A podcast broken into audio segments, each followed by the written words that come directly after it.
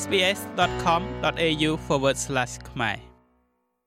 ធនាគារកណ្ដាលនៃប្រទេសអូស្ត្រាលីហៅកាត់ថា ABA បានដំឡើងអត្រាការប្រាក់ជាលើកទី10ជាប់ជាប់គ្នា ដែលនាំអត្រាសាច់ប្រាក់បច្ចុប្បន្នឡើងដល់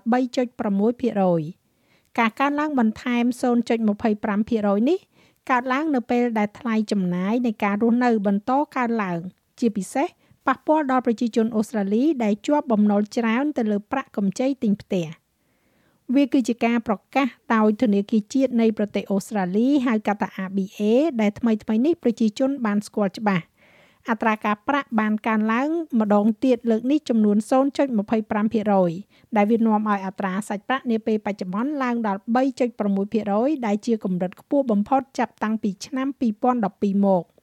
នេះគឺជាប្រសាសន៍របស់លោកហេរ៉ាញឹក Jim Chalmers នៅក្នុងអំឡុងពេលសាកសួររបស់សភា The Reserve Bank takes its decisions independently. ធនាគារកណ្ដាលធ្វើការសម្រេចចិត្តរបស់ខ្លួនដោយឯករាជ្យហើយឯករាជ្យភាពនោះគឺជាលក្ខណៈសំខាន់នៃប្រព័ន្ធរបស់យើង ការងាររបស់រដ្ឋាភិបាលគឺត្រូវទទួលខុសត្រូវចំពោះរឿងទាំងឡាយណាដែលយើងមានឥទ្ធិពលទៅលើប្រជាជនអូស្ត្រាលីយល់ថាអតិផរណានេះជាច្រើន កំពុងតែមករកយើងពីជុំវិញពិភពលោក ដូច្នេះហើយយើងទទួលខុសត្រូវក្នុងការធ្វើការលើបញ្ហាអតិផរណានេះប្រកបដោយទំនួលខុសត្រូវនិងវិធីសាស្ត្រការកើនឡើងលើកនេះមានន័យថាការបង់សងត្រឡប់ទៅវិញប្រចាំខែចំនួន77ដុល្លារបន្ថែមនឹងត្រូវបង់សម្រាប់ប្រាក់កម្ចីចំនួន5សែនដុល្លារនោះមានន័យថាសរុបមកគឺចំនួន983ដុល្លារក្នុងមួយខែ ឥឡូវនេះត្រូវបង់បន្ថែមទៅលើប្រាក់កម្ចី5សែនដុល្លារបើគិតចាប់តាំងពីការកើនឡើងអត្រាការប្រាក់ដំបូងនៅក្នុងខែឧសភាឆ្នាំ2022ដែលជាការកើនឡើង42%វាក៏មានន័យផងដែរថាប្រាក់កម្ចីទិញផ្ទះ1លានដុល្លារដែលជាតម្លៃផ្ទះជាមធ្យមនៅក្នុងប្រទេសអូស្ត្រាលីនឹងត្រូវបង់បន្ថែមជិត2000ដុល្លារបន្ថែមទៅលើការសងប្រាក់កម្ចីប្រចាំខែរបស់ខ្លួន ធៀបទៅនឹងកាលពីខែឧសភាឆ្នាំ2022កន្លងមកលោកហេរ៉ាញឹក Jim Chambers មានប្រសាសន៍ថាការកើនឡើងនេះនឹងធ្វើឲ្យជីវិតកាន់តែពិបាកសម្រាប់ប្រជាជនអូស្ត្រាលីមួយចំនួន This will make life harder for many ការកើនឡើងនេះនឹងធ្វើឲ្យជីវិតកាន់តែលំបាកសម្រាប់ប្រជាជនអូស្ត្រាលីមួយចំនួនវានឹងធ្វើឲ្យជីវិតកាន់តែលំបាកសម្រាប់ប្រជាជនអូស្ត្រាលីជាច្រើនដែលស្ថិតនៅក្រោមសម្ពាធនេះ វាត្រូវបានគេរំពឹងទុករួចទៅហើយទីផ្សារត្រូវបានរំពឹងទុកជាមុនប៉ុន្តែវានឹងនៅតែអាចឈរបានការកើនឡើងអត្រាការប្រាក់ទាំងនេះដែលបានចាប់ផ្ដើមមុនការបោះឆ្នោតផលប៉ះពាល់ជាបន្តបន្ទាប់អត្រាកើនឡើងសម្រាប់រាល់ប្រាក់កម្ចីកន្លះលានដុល្លារដែលជំពាក់ឥឡូវនេះគឺប្រហែលជា1000ដុល្លារក្នុងមួយខែនោះគឺជាផលប៉ះពាល់នៃការកើនឡើងអត្រាការប្រាក់ទាំងនេះដែលបានចាប់ផ្ដើមតាំងពីមុនពេលបោះឆ្នោត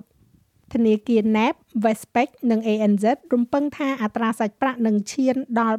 4.1%នៅខែមិថុនាឆ្នាំ2023នេះលោកបណ្ឌិត Isaac Gross គឺជាសាស្ត្រាចារ្យមកពីនាយកដ្ឋានសេដ្ឋកិច្ចនៅសាលាពាណិជ្ជកម្ម Monash លោកមានប្រសាសន៍ថាការកើនឡើងនឹងមានភាពតានតឹងសម្រាប់ប្រជាជនអូស្ត្រាលីជាច្រើន Look for people who are already struggling it is going to be quite សម្លឹងមើលមនុស្សដែលពិបាករួចទៅហើយ គេនឹងកាន់តែពិបាកខ្លាំង វាគ្មានមុខពីរនោះទេ បើនិយាយអំពីវិធីសាស្ត្រដែលក្រុមគ្រួសារអាចព្យាយាមនិងសន្សំប្រាក់បាន មានតិចនិចជាច្រើនដែលអ្នកសេដ្ឋកិច្ចបានណែនាំដូចជាការហៅទូរស័ព្ទទៅខាងធនាគាររបស់អ្នកដើម្បីព្យាយាមចរចាឡើងវិញនៅអត្រាការប្រាក់ទាបការហៅទូរស័ព្ទទៅអ្នកផ្ដល់សេវាទឹកភ្លើងហ្គាសរបស់អ្នកហើយត្រូវប្រកាសថាអ្នកកំពុងស្ថិតនៅក្នុងកិច្ចព្រមព្រៀងដ៏ល្អបំផុតដែលអាចរកបាន ហើយបន្ទាប់មកត្រូវប្រកាសថានៅពេលដែលនិយាយដល់រឿងដូចជាគម្រោងទូរស័ព្ទដៃរបស់អ្នកនិងក្រុមហ៊ុនផ្ដល់សេវាអ៊ីនធឺណិតជាដើមត្រូវប្រកាសថាអ្នកបានដើរតួតម្លៃនៅក្នុងទីផ្សាររួចហើយលោកមានប្រសាសន៍ទៀតថាអត្រាកើនឡើងនេះក៏នឹងប៉ះពាល់ដល់សុខភាពផ្លូវចិត្តរបស់ប្រជាជនអូស្ត្រាលីផងដែរ Look there's no doubt that គ្មានអ្វីត្រូវឆ្ងល់នោះទេថានៅពេលដែលថាវិការគ្រួសារជួបការលំបាកដែលអាចដាក់សម្ពាធទៅលើគ្រួសារនិងសុខភាពផ្លូវចិត្តរបស់ប្រជាជន។ ហើយវានឹងក្លាយទៅជាស្ថានភាពដ៏លំបាកមួយសម្រាប់ក្រុមគ្រួសារអូស្ត្រាលីជាច្រើននៅក្នុងការដោះស្រាយវាឥឡូវនេះមានធនធានហិរញ្ញវត្ថុនៅទីនោះអ្នកអាចពិភាក្សាជាមួយនឹងអ្នកផ្ដល់ប្រឹក្សាផ្នែកហិរញ្ញវត្ថុអ្នកអាចពិភាក្សាជាមួយនឹងធនាគាររបស់អ្នកហើយប្រសិនបើអ្នកមានភាពតានតឹងផ្លូវចិត្តអ្នកក៏គួរតែពិគ្រោះជាមួយនឹងវិជ្ជបណ្ឌិតរបស់អ្នកផងដែរហើយការដំឡើងអត្រាការប្រាក់នឹងអាចបន្ថែមទៅលើបញ្ហាទាំងនោះ។អ្នកនាង Brima Waizani និង Dumel Haucher ក៏កំពុងរៀបរាប់ថ្លៃចំណាយផងដែរពួកគេគឺជាផ្នែកមួយនៃអង្គការសប្បុរសធម៌ទីក្រុងស៊ីដនីដែលផ្ដល់គ្រឿងទេសជាមូលដ្ឋានដល់មនុស្សម្នាដែលមានភាពតានតឹងផ្នែកហិរញ្ញវត្ថុ